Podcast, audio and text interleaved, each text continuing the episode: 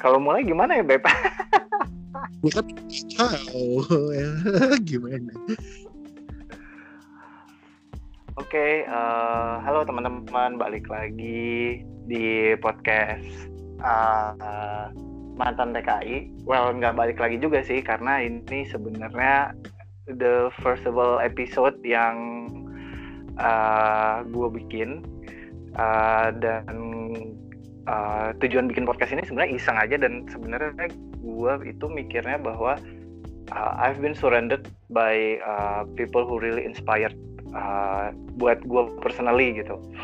Uh, dan salah satunya orang ini adalah orang yang sebenarnya cukup inspired buat diri gue dan uh, personally orang ini juga banyak banget nolong gue uh, and I still owe him a lot. Uh, so without further ado uh, kita sambut ya temen gua dan kita udah lama banget nggak ngobrol ngobrol uh, ini dia Bapak Irwanto Purna alias Jayden. Assalamualaikum. Waalaikumsalam. Masak air biar matang.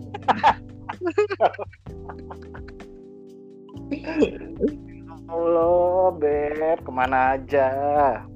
Kayak biasa kerja, cari duit. Hebat deh ya. Mm -hmm. Iya, Bapak gimana Pak? Sehat, sehat, alhamdulillah dengan naik turunnya kehidupan. Tapi ya, saya kan ya. banyak belajar dari Bapak ya, jadi terus berusaha survive. Ya. Lagi sekarang sudah juga hidup Pak. Mm -mm, udah ada buntut dua jadi harus tetap survive. Oh, istri ya, lupa ya, saya. Istri belum berani nambah istri lagi dan kayaknya enggak deh satu aja. Begitu ya. Alhamdulillah ya udah punya anak sekarang. Alhamdulillah. Ah, berarti sudah terbukti. Nah, kalau sekarang mau di dalam, di luar, di kamar mandi, di mana kesra bebas. Benar itu. Sekarang Beb di Malaysia, Beb. Kenapa gimana gimana? Gimana di Malaysia sekarang? Gini lagi si MCO nih, jadi kan sampai tanggal 2 Desember, cuman nggak tahu ini hmm. gimana sebenarnya, apakah diperpanjang atau enggak. Hmm. Jadi Tapi buat jadi buat teman-teman yang dengerin Jaden ini uh, sekarang itu kerjanya di Malaysia. Jadi uh, beliau ini tuh uh, dari misalnya dari sisi karir ya, kalau teman-teman yang lagi dengerin podcast gue ini, dia ini cukup-cukup unik. Uniknya kenapa? Karena sebenarnya dia bekerja itu di perusahaan yang sebenarnya di Indonesia ada. Tapi dia itu bisa kerja apa ya di perusahaan yang maksud gue gini yang di Indonesia ada terus dia bisa kerja yang di cabang yang Malaysia gitu kan. Which is menurut gue sih truly inspired banget dan pasti maksud gue gini kalau misalnya lu kerja di per, sebuah perusahaan yang misalnya cabangnya worldwide gitu kan pasti kan orang akan lebih prioritas lokal kan. Nah, ini dia foreigner terus bisa kerja di perusahaan itu gitu. Jadi gue sangat-sangat amazed banget sih sama uh, sama si Bapak Jaden ini Well, kan anyway.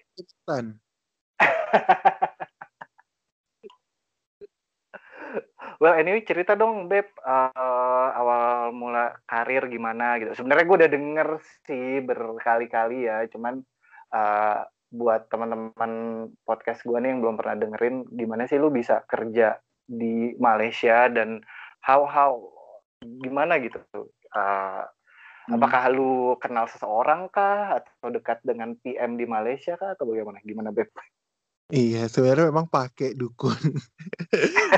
Jadi, uh, dulu kan saya awal kerja di Danon ya, jadi MT di Danon kayak gitu di Indonesia masih di Indonesia. Cuman uh, takdir menyatakan bahwa saya memang tidak cocok di Danon kayak gitu. Terus saya akhirnya pindah ke sebuah agensi um, di Indonesia juga kayak gitu. Jadi MT lagi, jadi jadi MT dua kali. Cuman um, sebenarnya awal karir itu saya kerjanya itu uh, ikut Andika di company yang lama sebenarnya. Jadi saya ada teman namanya Salsa. iya dong. Anda masuk duluan kan? saya rasa. Ya iya benar benar. Hmm, iya, benar. Jadi saya ada teman namanya Salsa, terus si Salsa ini kayak nawarin Beb, ayo Beb, lo bisa kerja di sini di Malaysia di company namanya iPrice kayak gitu. Jadi um, karena bantuan Salsa yang merekomendasikan ya udah. Jadi uh, interview tuh. Jadi interview ke iPrice kayak gitu. Orang-orang kan pada nggak tahu iPrice itu apa pada zamannya ya. Mungkin yeah. sekarang udah lebih lebih well known lah intinya. Iya. jadi kayak um, jadi uh, ya udah interview buat jadi sales uh, manager saat itu tapi bukan manager ya cuma sales doang tapi memanage account salesnya kayak gitu bukan manager levelnya sih kacung kayak gitu terus um, Nah, di iPrice inilah akhirnya mulai kayak gitu. Awalnya di sales manager yang nelpon ke merchant-merchant buat di Indonesia. Jadi yang kayak, Assalamualaikum Pak, saya Jaden dari iPrice kayak gitu. Um, dari iPrice ini mulai pelan-pelan lah mulai naik, mulai naik, mulai naik sampai akhirnya um, pindah ke Shopee Malaysia. Uh, dari Shopee Malaysia ada opportunity nih ternyata uh, kan aku ulang tahun tahun lalu tuh tahun lalu ya aku ulang tahun itu kayak tiba-tiba bangun tuh kayak pengen I think this is my time to contribute to my country tapi nggak mau pulang juga sayanya kayak gitu kan. Kan beda sama pak kayak gitu yang udah um, pensiun dari dunia pertekaian kayak gitu. Jadi uh, ada kesempatan buat uh, di Traveloka jadi saat uh, saat ini ya aku kerjanya uh, Traveloka handle Southeast Asia cuma base di Malaysia kayak gitu. Hmm, oke. Okay. uh, ini menarik nih. Tadi lu sebut sebutin bahwa lu tuh startnya dari Indonesia, tapi itu perusahaannya company-nya juga besar juga Danon kan. Itu itu tahun berapa sih Beb gitu? Apa lu abu kuliah kah atau gimana tuh? Itu gue mulai uh, tam, uh, hampir tamat kuliah, tamat kuliah sih. Jadi kayak mulai-mulai skripsi 2014 lah. 2014? Iya, tapi jangan jangan dipikir kayak wah company gede ini presis banget kayak gitu. Tapi kayak company gede tapi kayak aku tuh berjuang banget loh menangis uh, semalam kata kalau kata Audi kayak gitu. Jadi kayak bener-bener um, uh, ter tertempa secara emosional dan mental tuh Danon jadi kayak kayak um, jangan kalian pikir kayak kerja di company yang gede kayak literally hidup lo bakal bagus enggak. Tapi kayak gue kerja 24 jam hari Sabtu kerja hari Minggu gue kerja kayak gitu. Pulang pernah pulang itu jam 6 pagi gitu.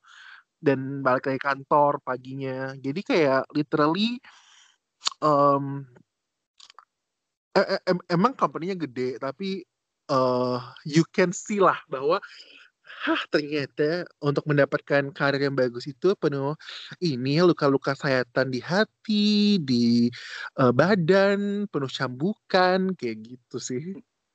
Tapi lu percaya nggak sih bahwa uh, dari situ, maksudnya da dari Danon itu yang yang bisa membawa lu sampai sekarang itu, maksudnya kan itu membuka uh, networking lu sebesar-besarnya kan dalam artian kayak lu pernah cerita bahwa lu kenal uh, salsa yang which is uh, merekomendasikan lu untuk bekerja di iPress dari Danon kan. Maksud gue lu percaya kan? Uh, lu percaya nggak sih uh, karena networking juga yang bisa membawa lu sampai level ini? To be honest, pada zaman gue ya ketika gue quit dari Danon, itu gue susah banget dapat kerja di kayak gitu. Hmm. Kenapa? Orang kan bakal nanya, lo udah di Danon, kenapa lo berhenti dari Danon kayak gitu? It's, it's a big company though kayak gitu kan, dengan segala apa yang lo dapat kayak gitu. Jadi yang gue lakukan adalah gue mengdilit Danon dari uh, eh, CV gue. Oke, okay. kenapa tuh? Gue karena kayak gue mencoba jadi setelah dari Danon, setelah gue keluar dari Danon, gue tuh sempat 10 bulan nganggur kayak gitu.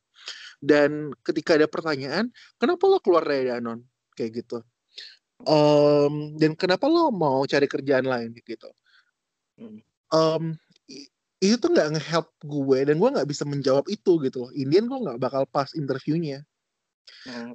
Nah, jadi gue memutuskan pada saat itu adalah untuk menghilangkan dana dari CV gue dan gue mulai ulang semuanya dari awal di, jadi kayak gue kayak jadi empty lagi dua kali di kayak gitu di agency itu Nah, tapi menurut gue uh, Danon tuh kontribusi banget lah buat uh, diri gue yang sekarang.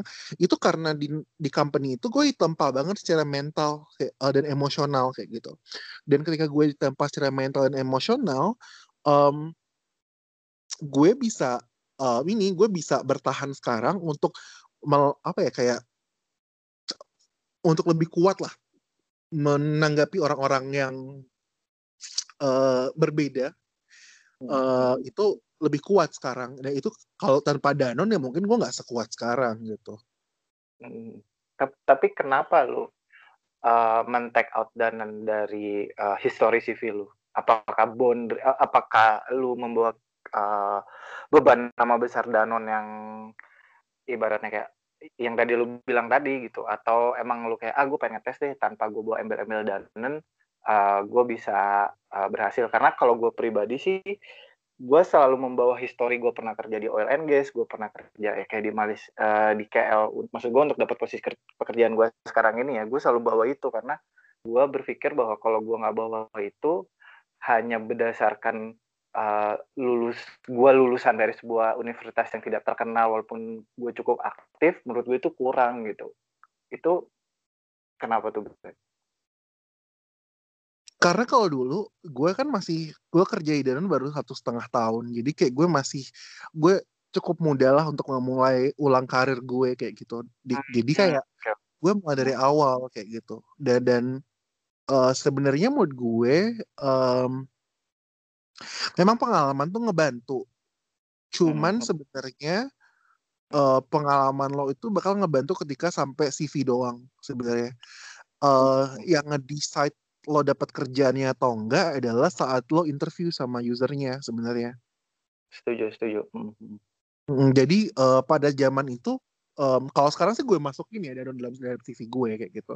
Cuma pada saat itu kayak lebih ba lebih banyak ngebawa uh, harmnya ke gue karena uh, hmm. setiap orang nanya kenapa lo keluar dari Danon dan pengen masuk ke company yang similar atau lebih rendah daripada Danon kayak gitu um, gue bakal bingung dong jawabnya kayak gitu. Gue bilang misalnya gue nggak lulus MT, mereka pengen gue di lapangan kayak gitu.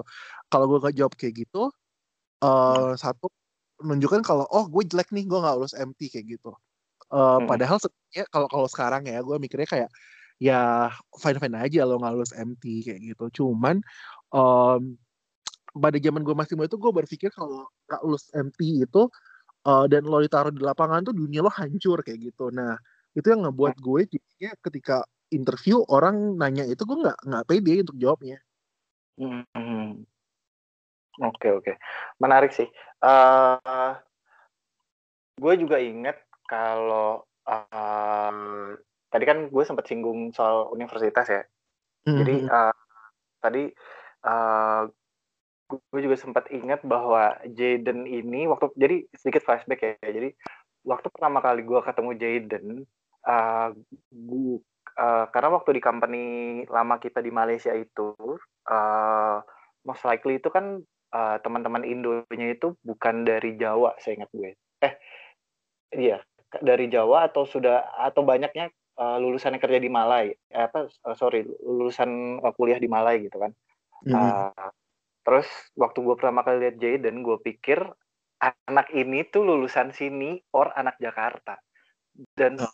uh, sangat dan sangat mengejutkan adalah Jaden ini dari pulau uh, yang paling besar paling besar nomor dua di Indonesia. Dan ternyata dia bukan orang uh, Jawa tapi dia kuliah di uh, kampus yang menurut gue reputasinya oke okay banget gitu. Apakah itu juga berpengaruh Beb sama pembentukan karakter lu untuk maksudnya gini untuk bisa sampai selevel ini maksud gua apakah background universitas juga cukup penting gitu terhadap terhadap perkembangan karir lo atau secara individual gitu? Hmm.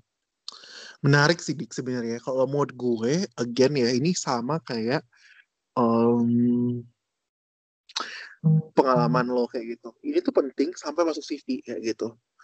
Um, tapi gimana lo pengalaman kerja lo, gimana juga uh, saat lo interview tuh yang paling penting kayak gitu. Memang sih gue nggak gue nggak gue nggak memungkiri kalau di beberapa company itu memang ada yang masih kayak um, cuma mau dari top universities atau misalnya cuma mau dari top 3 universities dengan IPK segini kayak gitu. Karena memang untuk menyaring kandidat itu itu digunain buat kayak sedikit pool karena kan lo tau banget kalau di Indonesia ada jutaan orang ya kayak gitu. Benar. Nah, benar.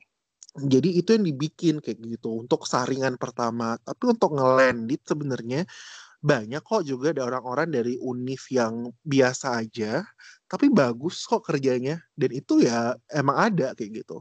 Jadi mungkin kalau buat teman-teman yang ngerasa kayak um, oh univ gue uh, B aja nih kayak gitu. Atau gue bukan dari univ yang um, internasional atau top univ kayak gitu. Um, it's okay kayak gitu. Sebenarnya kayak kalau kata um, mantan uh, teman kantor gue dulu itu bilang gini, Jaden permata itu mau ditai pun juga permata kayak gitu. Benar. Jadi, uh, jadi kayak kayak kalau uh, secara personality terus kerjaan yang lo bagus kayak gitu, I don't think it's it will impact a lot sih. Tapi mungkin ya itu bakal mengimpact buat seleksi yang di awal itu doang, buat menyaring. Hmm. Uh, lu dulu kuliah di mana di UGM kan ya Beb ya? I iya. Uh -uh. Itu gimana tuh lu uh, struggle-nya? Kan uh, tadi gue sempat bilang bahwa lu lu uh, tumbuh besar di Kalimantan kan ya?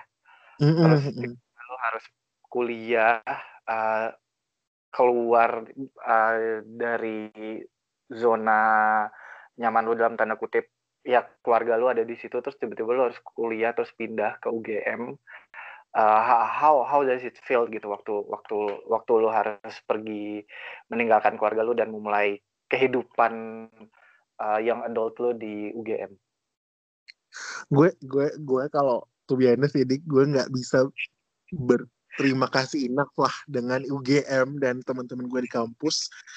Um, temen gue itu yang nge-shape gue sampai sekarang sih karena gini di UGM itu um, Eh, buat kampus gue ya kalau anak-anak FEB ada yang dengar ekonomi dan bisnis uh, kalian bisa ngecek bahwa it's very competitive kayak gitu.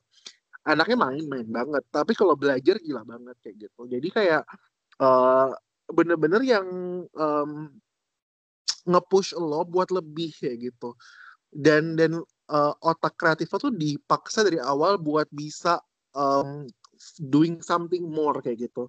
Jadi kayak presentasi nih kayak gitu lo bayangin gak sih presentasi di kelas itu ada giveaway kayak gitu. Terus ada ada game. giveaway ya Beb? Iya jadi kayak itu yang gue rasain di UGM jadi kalau nggak nggak nggak gue di FEB waktu itu mungkin gue nggak bakal sekreatif ini atau nggak bisa present dengan cara sebaik itu uh, sekarang gitu sih. Tapi ini memang sih. Jadi kan gue kan dari kampung ya dan kalian tahu kalau di uh, uh, pendidikan di uh, gue itu sama di Jakarta tuh beda jauh lah kayak gitu. Gue masuk ke kampus yang di mana-mana uh, rata-rata anak Jakarta kayak gitu. Jadi um, gue sempat agak minder sih kayak gitu. Waktu itu HP gue Nokia, HP orang-orang itu anak kampus gue uh, BlackBerry kayak gitu. Hmm. Terus orang-orang pakai mobil, gue pakai motor Supra, Supra yang lama ya, Supra hmm. yang 2000 2004 mungkin 2007 something kayak like like that lah kayak gitu. Jadi um, emang berbeda gitu. Tapi di kampus itu uh, gue ngerasa bahwa orang nggak accept lo walaupun kondisi lo apa pun tapi asal lo punya value edit kayak gitu dan uh, value itu kan mungkin persahabatan juga mungkin lo Peter atau sesuatu kayak gitu. Nah gue ngerasa bahwa uh, I'm finding myself sih waktu itu di UGM dan I, I really love dan dan dan bener kata kata orang um, sekali lo di Jogja lo bakal rindu banget sama Jogja kayak gitu. Bener-bener iya sih Uh, gue juga pernah beberapa kali ke Jogja. Emang Jogja itu pasti selalu bawa kenangan tersendiri ya buat orang-orang yang udah pernah ke sana ya Beb ya. Apalagi kalau apalagi kalau lu pernah sekolah atau tinggal itu pasti punya kenangan yang lebih banget. Well anyway, ini gue lagi ngeliatin LinkedIn-nya Jaden sekarang dan tadi tuh gue nih tiba-tiba ada pertanyaan yang muncul ke gue. Apakah uh, pekerjaan lu sekarang ini semua histori kerjaan yang pernah lu lakukan itu ada korelasinya nggak sama waktu lu berkuliah dalam artian gini kayak gua itu uh, lulusan sastra Inggris tapi kerjaan gua none of my job is relating with at least teaching lah gitu. Apakah lu ngerasa bahwa kalau lu lulus dari sebuah universitas itu misalnya let's say lu ekonomi gitu, apakah lu harus kerja di bank kah atau gimana gitu? Is, is that matters gitu menurut lu, Beb? Enggak sih, Beb. Kan kalau lo lihat kan gue akuntansi kan. Tapi kerjaan iya. gue gak akuntansi sama sekali. sama sekali. Lu lebih cocok kuliah lu harusnya marketing or, or public speaking gitu kan. Iya, yeah, PR uh, kayak gitu. Um, menurut gue yang diajarkan di kampus itu nggak nggak perlu pasti lo harus kerja itu kayak gitu. Apa yang diajarkan di kampus adalah uh, sebenarnya ada dua nih di uh, yang pertama adalah uh, logic thinking lo. Mm-hmm. Uh, kenapa uh, misalnya nih ada ada ada yang bilang kan kalau anak UI itu bagusnya di FMCG, kalau anak UGM itu di um, kor apa uh, government kayak gitu. It simply karena memang mungkin uh, itu adalah uh, gaya pola thinking yang diajarkan di kampus mereka kayak gitu. Sehingga itu cocok banget buat uh, salah satu um, industri atau uh, instansi kayak gitu. Nah, um, jadi tergantung dulu uh, pola thinking lo gimana. Kedua adalah uh, organisasi. Menurut gue organisasi itu penting banget karena ketika lo kerja, lo tuh lebih banyak untuk ngehandle stakeholder sebenarnya kerjaan lo daripada uh, doing of your own work sebenarnya.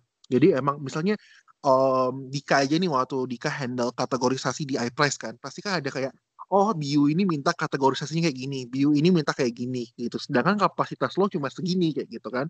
Jadi kayak lo harus manage ekspektasi stakeholder atau communicate ke stakeholder. Nah, itu tuh yang diajarkan di organisasi sebenarnya. Jadi lo kayak kayak udah bisa untuk ngelihat oh mana nih yang paling uh, yang bisa gue lakukan dan how to communicate about that kayak gitu sih. Hmm.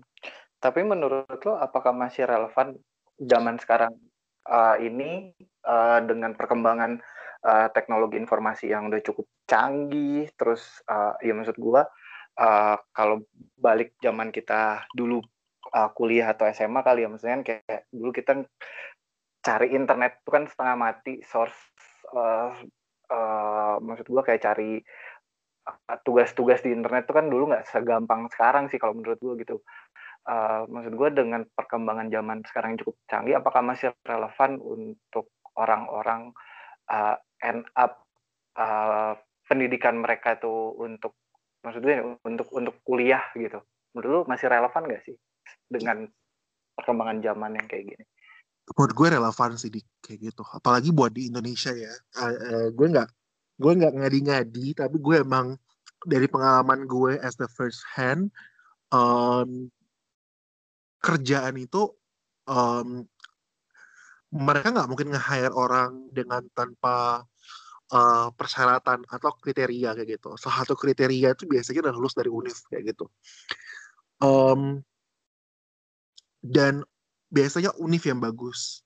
Uh, kenapa misalnya um, emang sih sebenarnya ini kayak uh, mungkin bisa dibilang diskriminasi, tapi menurut gue adalah mereka ngerasa mungkin univ-univ tersebut memiliki uh, pola pikir yang sama dengan orang-orang di company-nya.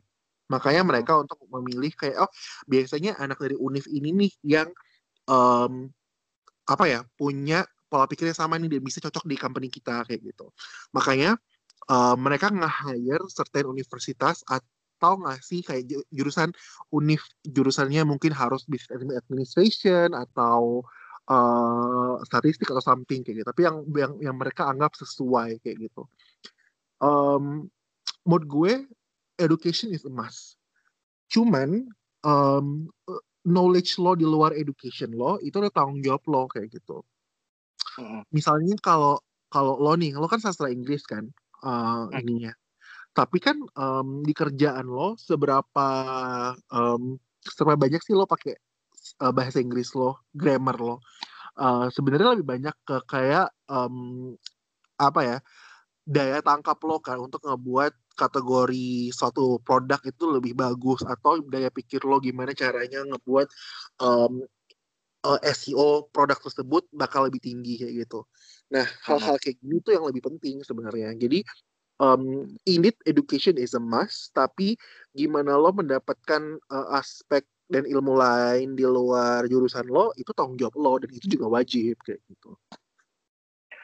Tapi kalau lo dengar statement kayak ah kuliah itu cuma formalitas doang gitu, at the end of the day itu yang menentukan suksesnya individu seseorang itu ya lu sendiri gitu. Jadi ada jadi dipatahkan lagi dengan statement lain bahwa berarti kuliah nggak penting gitu. Itu menurut lu gimana sih? Ya tergantung sih kalau gue. Kalau gue kan karena gue nggak lahir di orang tua yang berada, jadi gue harus kerja kan dan kerja itu sangat ya. Tapi kalau misalnya lo yakin bahwa lo tanpa edukasi lo bisa uh, survive, yang nggak apa-apa as well kayak gitu kan. Ada orang yang emang, oh gue nggak butuh nih, gue butuhnya um, bisnis nih. Nah, tapi lo harus jor-joran di bisnis kayak gitu. Terus, mm-hmm. dulu mantan dosen favorit gue nih, kayak ini bos gue dulu juga dulu waktu gue kerja di Ngasdos, namanya Pak Edi. Dia mm-hmm. bilang, lo kalau lo mau sukses, PK lo tuh nggak boleh tengah-tengah IPK lo, IPK lo tuh harus uh, tinggi banget biar company mau sama lo. Jadi kayak tiga ke atas atau IPK lo dua ke bawah kata dia. Jadi di company nggak mau sama lo, sehingga lo mau nggak mau kerja keras buat bisnis biar lo sukses kata dia. Mm -hmm. no option gitu. Jadi ya bener.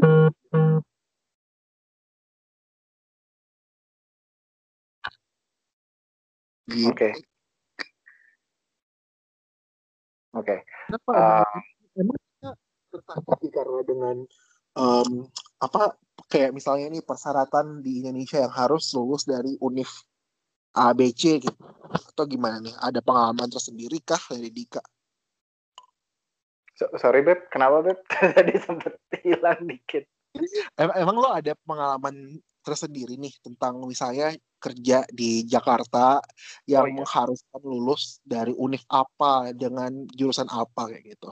Iya, gue sih main based on uh, personal experience beb karena gue juga uh, beberapa kali uh, before Malaysia sama after Malaysia tuh gue coba lamar-lamar perusahaan itu memang mereka menyebutkan secara gamblang bahwa ya harus dari universitas level A atau universitas uh, standar A akreditasi uh, A atau B atau C atau whatever itu. Dan walaupun sebenarnya gue tetap coba gitu tapi mereka sudah lihat oh ya lu bukan masuk qualify gue jadi uh, ngapain gitu gue harus uh, jauh-jauh ngundang lu untuk datang gitu. Dan sebenarnya sih kalau gue personally ngelihatnya ya karena mungkin kalau kalau gue ngeliatnya gini sih beb. Uh, apa yang gue rasain ya uh, kerja di Malaysia sama di Indonesia tuh kalau di kita tuh masih ngeliat uh, most likely masih ngeliat kualifikasi orang bukan berdasarkan uh, the way lu uh, menjual diri lu atau merepresentasikan diri lu pada saat interview. Mm-hmm. Uh, kalau ya instead jadi udah ngeliat di CV lu dulu kayak gimana, pas nanti interview ternyata lu kurang, kadang-kadang mereka masih perjuangin, oh iya karena dia lulusan UI jadi di hire, padahal pas kerja akhirnya beli. Sedangkan waktu gua di Malai, uh, waktu gua apply di iPress itu sendiri, itu dengan proses yang sangat simpel, gue cuman bilang experience gue ini, gue bisa ini, uh, dan gue dites, uh, gue lolos, itu menurut gue sih salah satu proses filterisasi atau salah satu proses hiring yang menurut gue sangat baik sih. Atau di Indonesia sampai saat ini pun gue bekerja di perusahaan gue sekarang ini uh, gue juga harus masih melalui proses ya dikurasi dengan dites dan segala macem gitu. Dan menurut gue iya gue ngerasanya sih ya mungkin Indonesia agak sedikit tertinggal ya karena itu kali ya beb karena mungkin orangnya terlalu banyak nggak sih di Uh, iya iya. Uh, kalau di Malaysia tuh yang gue rasa ya ini ya, gue tuh kayak orang tuh gak ada mikir lo dari lulusan mana kayak gitu, karena emang um, univnya banyak, orangnya hmm. dikit kayak gitu. Hmm. Bener-bener nggak ada kan kalau di Malaysia kayak harus dari univ A B C gitu nggak ada kan uh, speaking of uh, yang tadi lu bilang kan lu juga pengalaman uh, beberapa kali hiring uh, orang kan itu lu boleh ceritain nggak uh, apa sih big difference-nya waktu lu masih reporting ke someone sekarang ada someone yang reporting ke lu tuh lu ngerasain apa sih perbedaan terbesarnya gitu? Yang pasti lebih berat sih. Karena kan hmm. kalau dulu lo cuma apa ya nggak uh, ngasal ekspektasi dari bos lo kayak gitu. Dan hmm, sekarang lo ekspektasi dari dua sisi kayak gitu. Bos lo sama anak buah lo kayak gitu. Jadi kayak kadang tuh kayak gimana ya? Um, you need to find deh bener-bener need to find dalam proses um, interview adalah apakah orang ini bakal cocok sama lo kayak gitu. Dan uh, kerja secara kerjaan ya bukan secara personal kayak gitu. Um, terus uh, kan ada waktu tuh probation tiga bulan lah misalnya kayak gitu nah gunain masa-masa ini buat assess apakah orang ini bakal sesuai kayak gitu hmm. oke jadi gitu. uh, bukan berarti lu sudah let's say level tertentu terus lu punya anak buah pekerjaan lu bakal jauh lebih mudah nggak gitu ya Beb ya? Nggak makin lebih parah ya gitu karena um, lo punya banyak ekspektasi ekspektasi yang harus lo fulfill dari bos lo dari anak buah lo lo harus nge-grow orang kayak gitu dan dan orang kan beda-beda ya agak semudah lo untuk handle diri lo sendiri kayak gitu eh, ini menarik eh, terus gue jadi mikir ayo a perfectionist person I mean like in term of everything? Used to be sih. Dulu. Sekarang udah enggak. karena karena Jaden yang gue tahu dulu ya, uh, ini waktu gue masih di Malaysia ya, gue pernah inget kita tuh lagi rumah salah satu teman kita, dia itu masih kerja dan itu sekitar jam 10 apa jam 11 dan itu sebenarnya menurut gue sih mungkin ya masih bisa lo tunda lah besok pagi. Tapi orang ini itu masih eagerness kayak enggak gue harus kerjain ini. Dan dia tuh tanya sama teman kita itu kayak eh ini gimana caranya? Gitu. Jadi but tapi maksud gue gini apakah itu kayak perfectionnya is killing you? Or ya yeah, it just me gitu. Gue tuh dulu gue gue gue gue tuh sempet depresi deh parah banget. Um, dua bulan dua, dua bulan lalu lah. Sekitar dua bulan ya mulai dua bulan lalu lah. Jadi um, kan um, gue di company gue yang sekarang tuh nggak handle gede banget kan. Di, gue nggak handle banyak banget negara. Kayak gitu. Hmm. terus stakeholder gue banyak banget. Dan, dan Indian kayak gue tuh pengen gue take control semuanya dan menyelesaikan semua kerjaan. Tapi kan um, mohon maaf nih hamba kan juga manusia ya. Jadi eh, ada kayak secara secara fisik tuh gue juga ada batasan sebenarnya. Jadi kayak gue udah push gila-gilaan gue sampai di kantor tuh jam 5 pagi pulang tuh bisa jam 10 malam. Oh iya iya iya. Gue gue gue liat itu sih di story lu.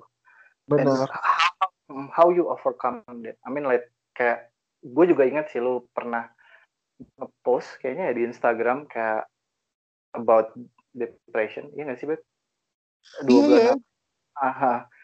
Itu maksud gue how how you handle that? Maksud gue uh, kalau gue sih ngeliatinnya gini empat apa lima tahun belakangan ini tuh banyak banget orang yang tiba-tiba kayak oh, gue uh, ngerasa gue uh, terlalu capek karena gue bla terus akhirnya depression segala macam dan most likely ya kebanyakan dari orang bukan kebanyakan sih gue pernah dengar beberapa orang kayak akhirnya ya they ended their life gitu atau mereka jadi I don't know lunatic or jadi nggak nggak sane lagi gitu buat lu pribadi gimana cara lu meng uh, tackle itu semua Be?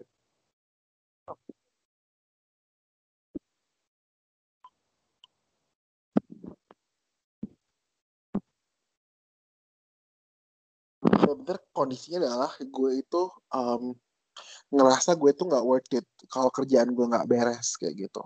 gue sorry tadi suara lu sempet hilang. gue ngerasa kayak gue tuh nggak worth it kalau kerjaan gue nggak nggak nggak sesuai apa yang gue harapkan kayak gitu. Gue sempet pengen mau diri kayak gitu. Gue sempet um, collapse lagi lagi ke supermarket di tiba-tiba gue nangis sesak nafas kayak panic attack gitu. Um, terus di kantor sempat pas lagi meeting meetingnya santai banget tiba-tiba gue panic attack. Um, tapi kan gue gue tuh orang yang kayak nggak nggak gue nggak selemah ini gue ini gue gue babat habis terus kan. Sampai suatu hari gue Jumat gitu gue agak santai kayak gitu. Tapi ketika gue santai gue stres dik. Sampai hari Seninnya itu gue masuk rumah sakit. Karena gue uh, stres karena GERD kan. Jadi karena pengaruh ke asam lambung. Hmm. terus gue gue harus jalanin dulu nih uh, psikolog. Gue terapi itu tiap minggu. Terus okay. uh, eh, uh, minum obat dari psikiat, uh, psikiatris uh, untuk memastikan kayak serotonin gue itu um, apa uh, terproduce produce gitu. Karena biasanya tuh pada saat itu gue tuh gue tidur pun gue mimpinya kerja. Terus gue bangun tuh capek banget kayak literally orang habis main basket iya. kayak gitu. Iya iya main basket ya, ya. terus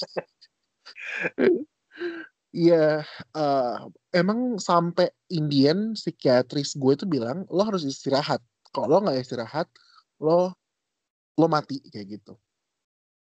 Oh uh, psikolog gue juga ngomong kayak gitu. Dan ada saatnya dik yang gue udah mau bunuh diri segala macem kayak gitu. Hmm. Akhirnya gue sadar dengan uh, it's help lah intinya gue kebuka lah sama orang tua gue dengan kondisi gue kan karena selama ini kan gue tertutup dengan orang tua dan keluarga ya terbuka dan gue pelan-pelan sadar bahwa kayak kayak kayak Jaden uh, apa ya kayak dunia tuh nggak hancur kalau lo istirahat. Dunia tuh nggak hancur kalau lo ngelimit kerjaan lo kayak gitu. Jadi sekarang gue yang pertama gue akan set priority uh, priority di kerjaan kayak gitu. Kerjaan mana sih yang yang prioritas? Dan itu akan gue prioritaskan sesuai dengan company uh, priority kayak gitu. Yang hmm. kedua, um, kalau gue emang nggak bisa, gue bilang nggak bisa. Oke. Okay. Jadi kalau gue istirahat kayak gue cuti hari ini, gue cuti, benar-benar cuti. Gue nggak nyentuh kerjaan. Hmm, hmm, hmm. Gitu. Iya, gue gue gue ingat banget sih waktu kita masih di company lama kalau nggak salah lu pernah cuti atau apa tapi lu masih tetap buka laptop ya Beb ya? Iya nggak sih? Ya itu emang kebiasaan gue. Mm -hmm. gue kurang banget sekarang.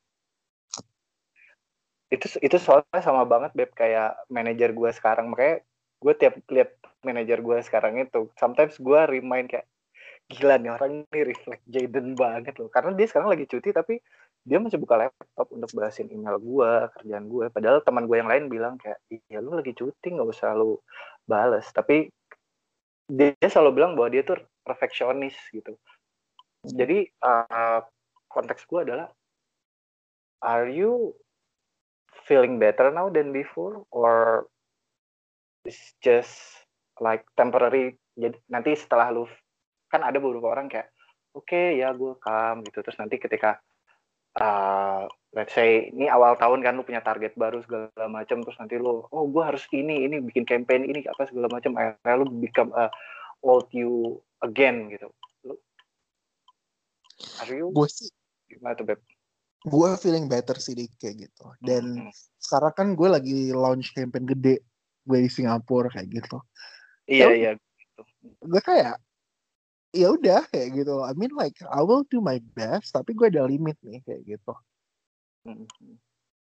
berarti uh, lu sudah menyadari bahwa ya diri lu jauh lebih penting dibanding apa pun ya Beb ya? Dalam artian gini uh, ya gue tahu limit gue gue tahu di mana gue harus berhenti karena uh, Jaden yang gue tahu itu Jaden yang benar-benar uh, kerja keras banget gitu. Gue kadang-kadang suka malu sendiri gue kayak gila lu Jaden tuh bisa sampai segini segini sini gue kayak gini aja tuh udah lemah banget gitu. Dan gue selalu ngepush diri gue tuh kayak oke okay, lihat Jaden lihat si A lihat si B lihat si C gitu. Uh, eh, gue sih ngerasanya bahwa kalau lu sudah walaupun gue juga kadang-kadang mikir tapi ini anak kapan ya berhentinya? gitu. Eh, gue sih ngerasa kayak ya kalau dia happy ya sudah lah gitu. Hmm. Sih gue gue mikirnya gitu sih beb Kalau gue, gue, gue ngerasa satu sih dik kayak kayak kerja keras itu bukan Hmm. berarti lo harus ini ini baru sekarang sih dulu. Kalau dulu kalau lo kalau lo nanya gue dulu gue juga nggak bakal jawab kayak gini ya. iya Kayak sekarang gue uh, kerja keras itu menurut gue um, bukan berarti lo ngehamper diri lo. Mhm. In the end, everything is just um, it just work kayak gitu. Uh, kerja itu kalau lo bagus, company mana pun mau lo kayak gitu. Mhm. Dan kalau lo gagal satu, lo tuh punya banyak banget kesempatan buat bangkit gitu. Kan gue udah bilang lo kayak gue gagal di Danon kan, tapi gue bisa nih dalam posisi ini sekarang kayak gitu. Nah, um, jadi Hmm. ada hal-hal yang harus lo perhatiin, which is um, diri lo. Mhm. Um, kalau diri lo nggak happy, kalau diri lo terhamper, kerjaan lo juga nggak bakal bagus sih. benar-benar self uh, love yourself itu paling penting ya beb ya Bener. Oke. Ah, gue happy sih dengarnya sih Beb. Kalau karena gue jujur sih, gue kaget sih waktu lu ngepost kayak, ah serius Jaden se depresi itu. Karena maksud gue gini, karena gue juga gue punya tante, tante gue tuh emang workaholic banget gitu. Terus one day dia tuh sakit, eh, sakit karena kecapean sih. Terus eh, dia bilang sama gue gini kayak, eh dik tante tuh sebenarnya sakit tuh hanya physically aja yang capek, tapi uh, mentally tuh tante tuh ngerasa kayak dia dia ngerasa kayak dia harus kerja gitu. Mainnya dia, mentalnya dia harus kerja gitu. Terus dia cuma istirahat satu hari, padahal dokter ngasih dia surat dokter untuk untuk istirahat tiga hari. Karena dia bilang kalau dia terlalu lama istirahat, dia malah makin sakit gitu. Dan keluarga gue udah bilang kayak, ya lu harus uh, perhatiin kesehatan lo. Tapi dia bilang enggak. Dia nikahnya juga agak telat sih, karena dia cinta banget sama kerjaan. Gue nggak tahu dia cinta banget sama kerjaan gue karena uh, dia ngerasa bahwa kalau dia kerja dia more living gitu dan banyak hal yang dia dia bisa lakuin gitu. Makanya gue gue berpikiran bahwa kayak oh Jaden ini tipikal orang yang kalau gue nggak kerja I'm dying gitu. Karena juga tante gue juga sama kayak lu kalau lu lagi lu keluar kota, tante gue tuh juga kalau lagi visit ke ibaratnya kayak bisnis trip dia cuma di hotel tok nggak jalan-jalan which is singkat lu masih kayak gitu kan ya beb ya Kebanyakan sih dulu.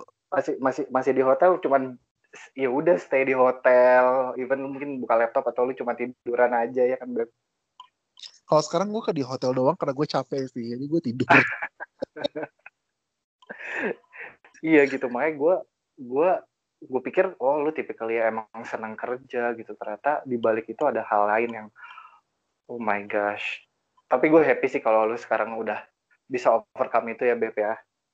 Karena gue emang senang kerja dik. Kayak kayak Hmm. kayak kayak apa ya mungkin kalau tahu kan kehidupan gue mostly cuma kerja kan nggak ada yang bener. Kalau lo kan apa ya eh, lo you you have your other friends terus um, you have um, your family you can develop your love life relationship kayak gitu kan.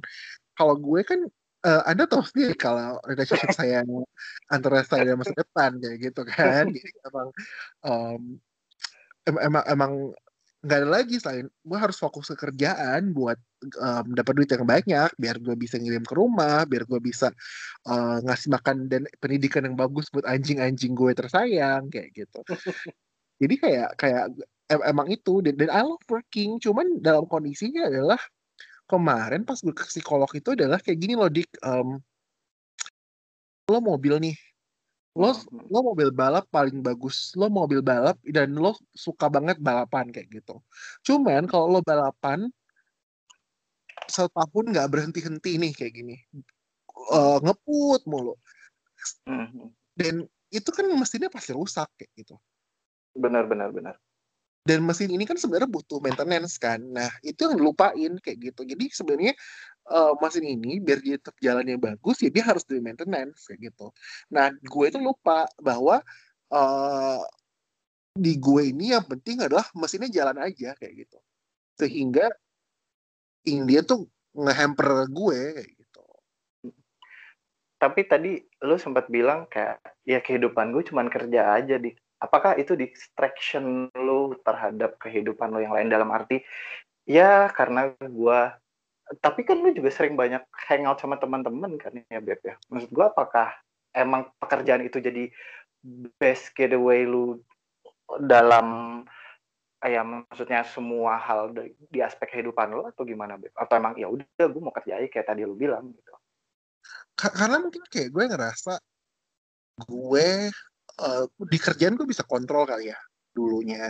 Um, jadi kayak gue bisa kontrol uh, performance gue kayak gitu.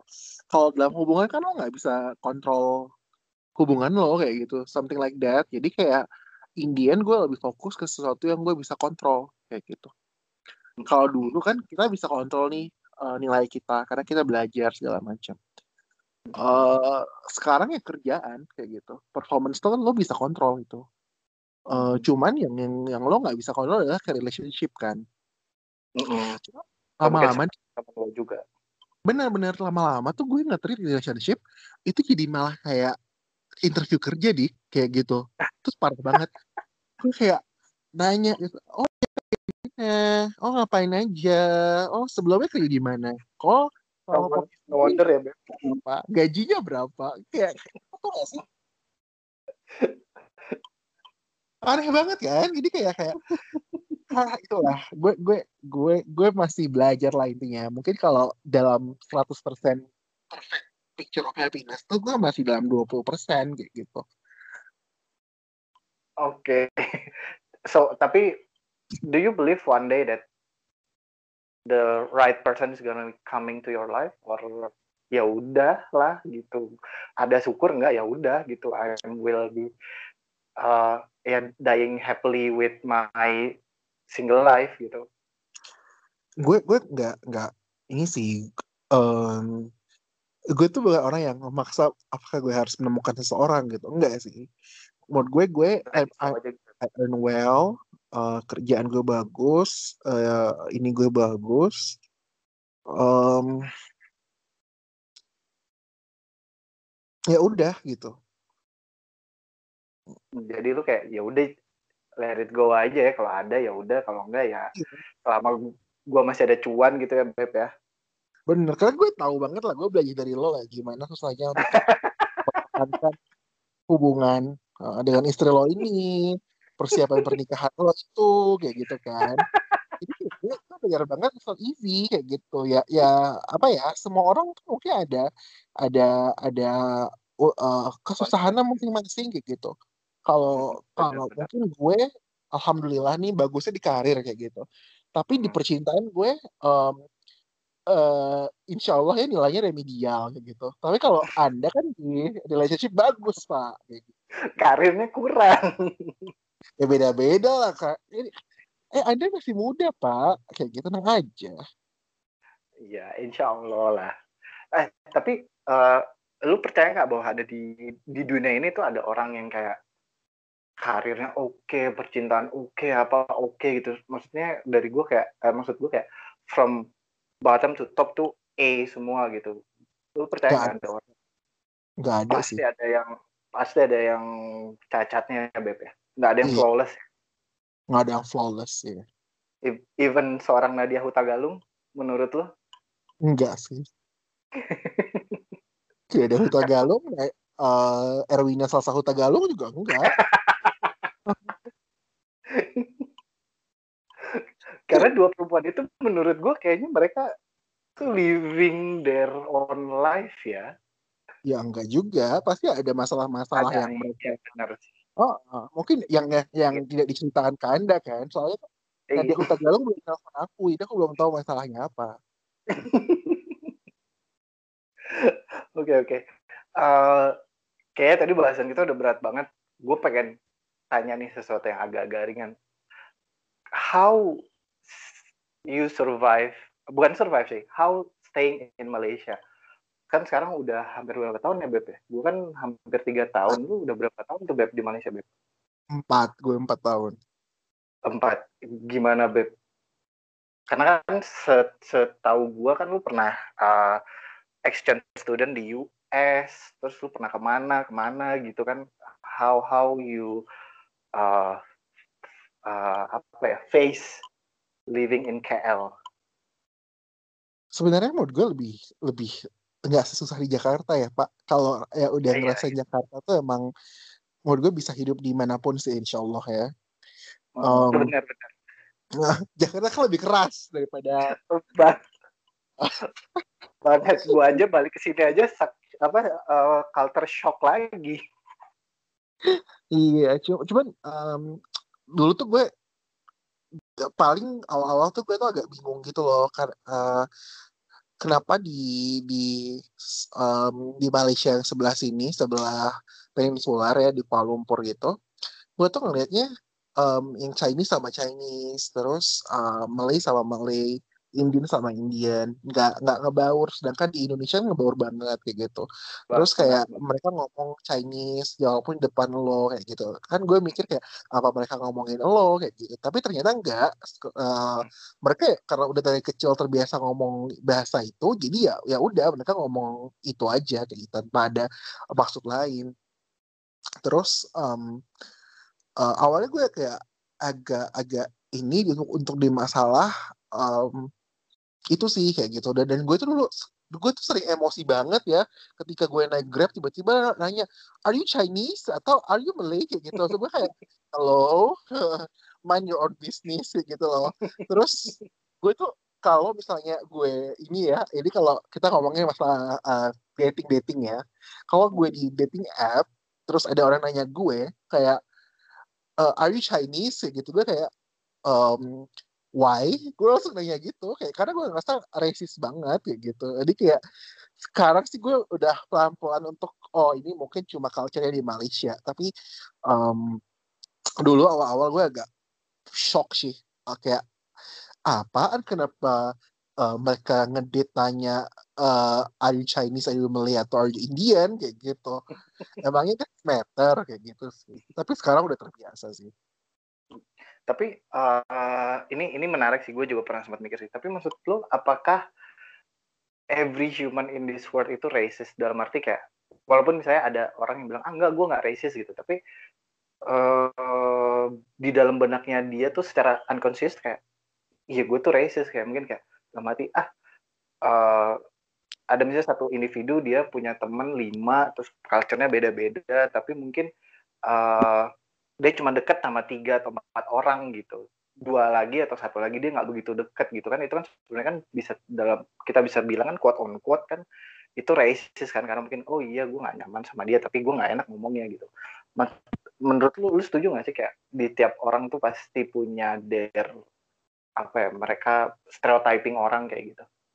Sebenarnya kan kalau racist kan adalah kayak lo stereotype misalnya Chinese tuh orangnya kayak gini Malay orangnya kayak gini Indonesian kayak gitu. Nah itu itu racist kayak gitu. Um, tapi kalau misalnya misalnya lo punya temennya lima terus lo nggak nggak ngerasa deket karena personalitinya gitu. Dan as the person of personalitinya aja bukan karena dia ras tertentu gitu. Nah itu nggak apa-apa menurut gue. Menurut gue everyone have their preference. Um, apa pun itu lah cuman uh, jangan sampai preference kalau ini udah mengkondem suatu uh, masyarakat itu dengan kejelekan uh, sesuatu misalnya kayak ada orang bilang kalau lo Cina lo pelit kayak gitu kan. Atau lo uh, Cina lo pasti hitung-hitungan kayak gitu. Nah itu level gitu ya Beb? Uh, menurut gue. Tapi kalau misalnya gue punya teman lima terus um, gue nggak cocok sama yang satu ya karena personalitinya ya itu fair fair aja sih Beb gitu. menurut gue ya Terus ada pengalaman menarik apa gitu Beb selama lu tinggal di Malai gitu? Kayak sh- sharing dong Beb waktu gimana ngurus visa atau apa gitu Beb?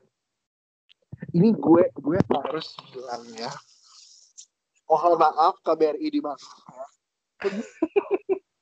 please treat human as human kayak gitu jadi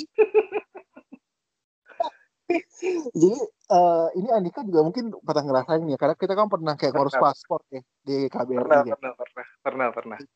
jadi kan eh, line-nya kita itu sama line-nya em, apa ya tenaga kerja yang kasar buat kayak kasar hmm. kakak itu kan beda kan nomornya kayak gitu benar perlakuannya juga beda bed beda kan jadi kayak gue tuh awalnya kayak gue baik gue kan nggak bawa cash ternyata itu harus cash kan terus hmm. uh, gue bilang kayak um, mbak aku nggak bawa cash nih. Oh nggak apa-apa. Kayaknya kita tunggu aja. Masih cari ATM dulu aja. Nanti datang lagi ya kayak gitu.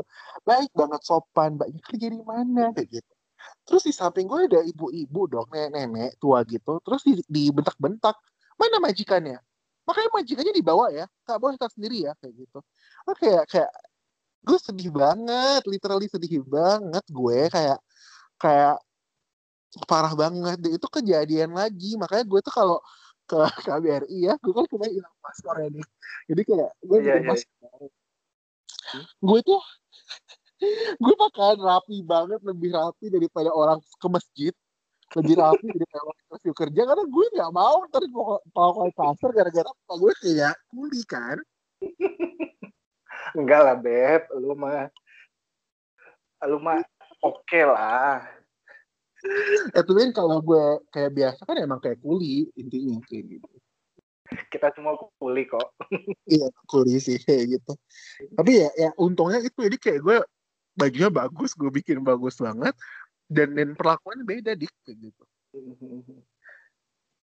Iya emang emang benar sih beb. Jadi gue gue juga setuju sama lu. Gue juga ngerasa kayak gue pikir gue akan merasakan hal diskriminasi sama orang lokal, which is orang Malaysia gitu. Ternyata gue ngelihat dengan mata kepala gue sendiri, gue juga mengalami cerita yang sama gitu. Diskriminasi sesama bangsa kita ya, itu iya. itu tra tragis banget sih kalau gue bilang sih.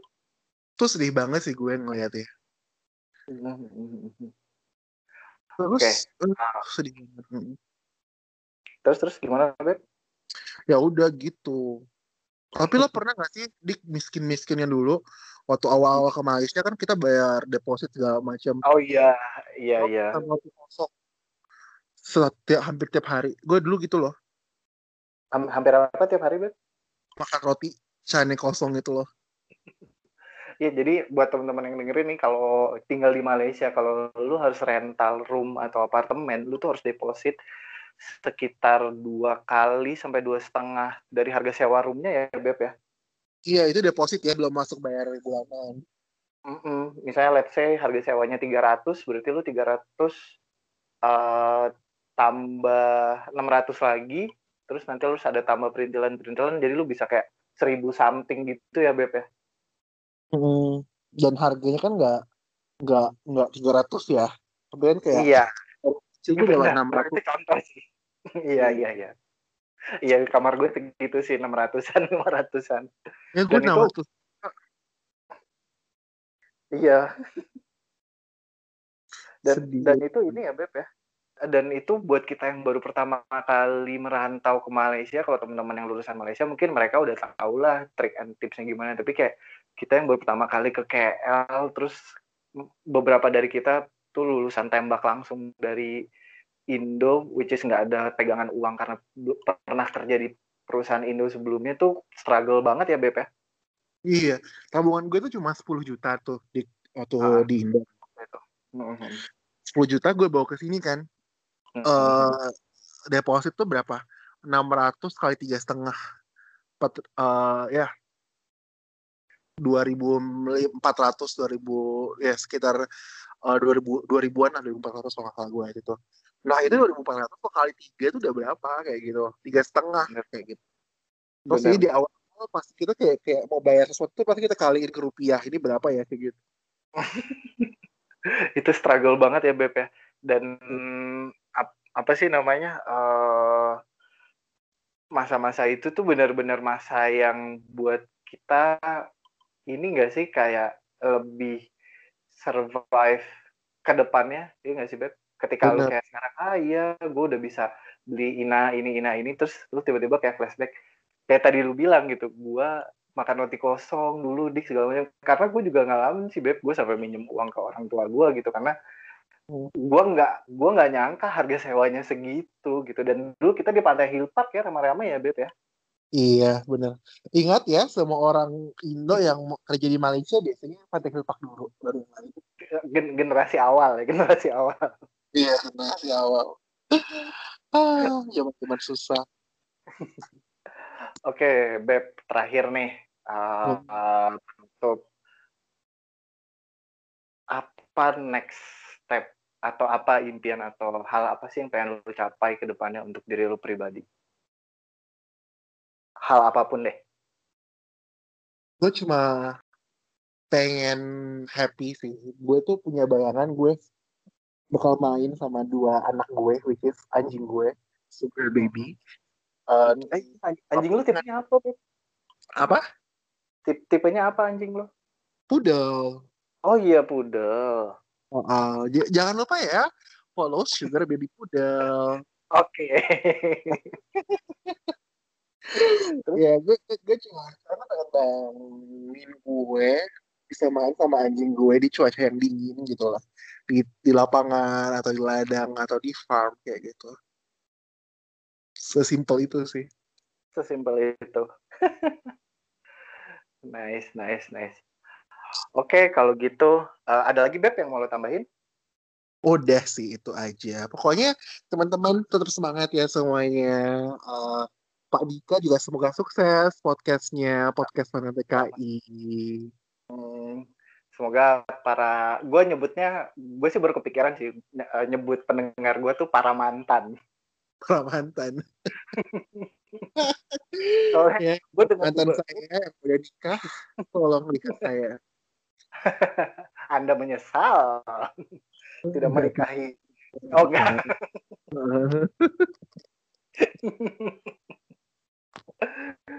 Oke, okay, uh, teman-teman, itu tadi uh, diskusi ringan dan uh, cukup inspiratif menurut saya uh, dengan Jaden uh, kayak Irwanto Purna seorang uh, apa jabatan terakhir lu Beb? Putri Indonesia sih. Oh, Putri Indonesia 2000. Eh kan nanti anak gue mau lu ini, mau lu training ya kan. Pokoknya nanti gue bilang sama anak gue look up Jaden, look up Uncle Jaden pokoknya gue gituin. Oke, okay, uh, eh, itu dulu teman-teman. Semoga dari pembicaraan ringan uh, gua sama Jaden ada hal yang kalian bisa ambil. Yang buruk bisa kalian jadiin pelajaran, yang bagus bisa kalian ambil. Uh, segitu dulu podcast mantan TKI episode kali ini. Sampai ketemu uh, episode selanjutnya dengan tamu-tamu yang udah gue kurasi. Thank you. Bye. Bye.